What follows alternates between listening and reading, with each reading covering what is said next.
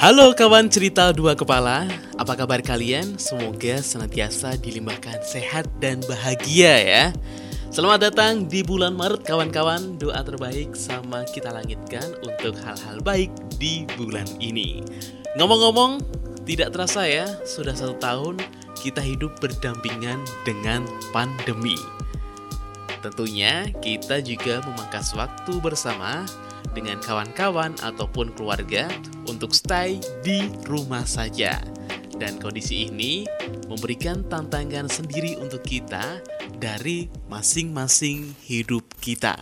Namun kawan cerita dua kepala semuanya, terima kasih banyak bagi kalian yang sudah berjuang sampai hari ini menghadapi pandemi dengan berani meskipun berkali-kali harus menerima kenyataan yang tidak mudah.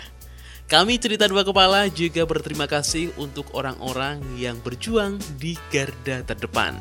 Semoga semesta selalu membersamai mereka ya. Semoga juga Tuhan senantiasa membersamai kita semua. Amin.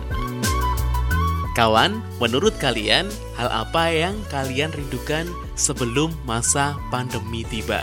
Mungkin menonton film, hangout dengan teman, berwisata, ataupun lain sebagainya. Kalau kalian apa? Tentunya pasti punya versinya masing-masing ya.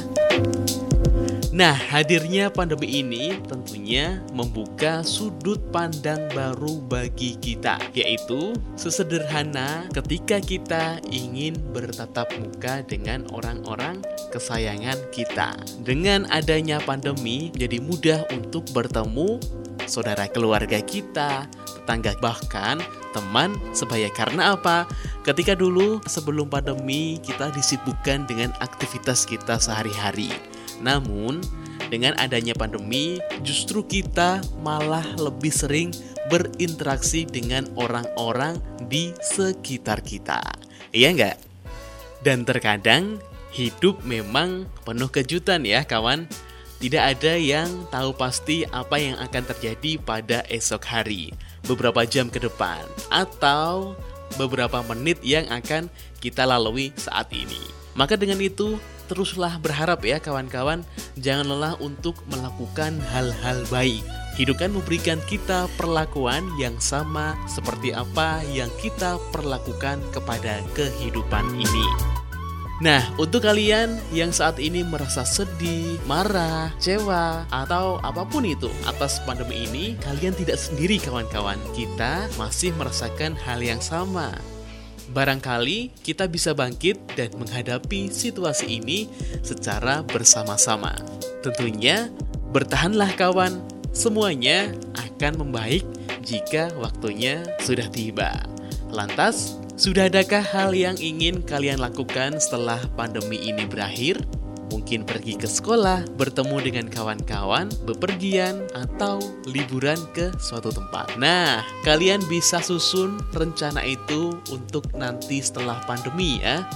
Mari kita pikirkan hal-hal yang baik sembari menunggu waktunya tiba ya.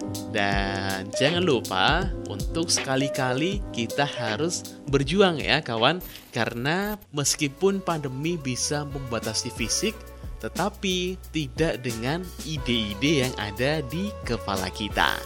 Jangan berhenti ya kawan untuk berkarya dan melakukan hal-hal bermanfaat meskipun terbatas pandemi.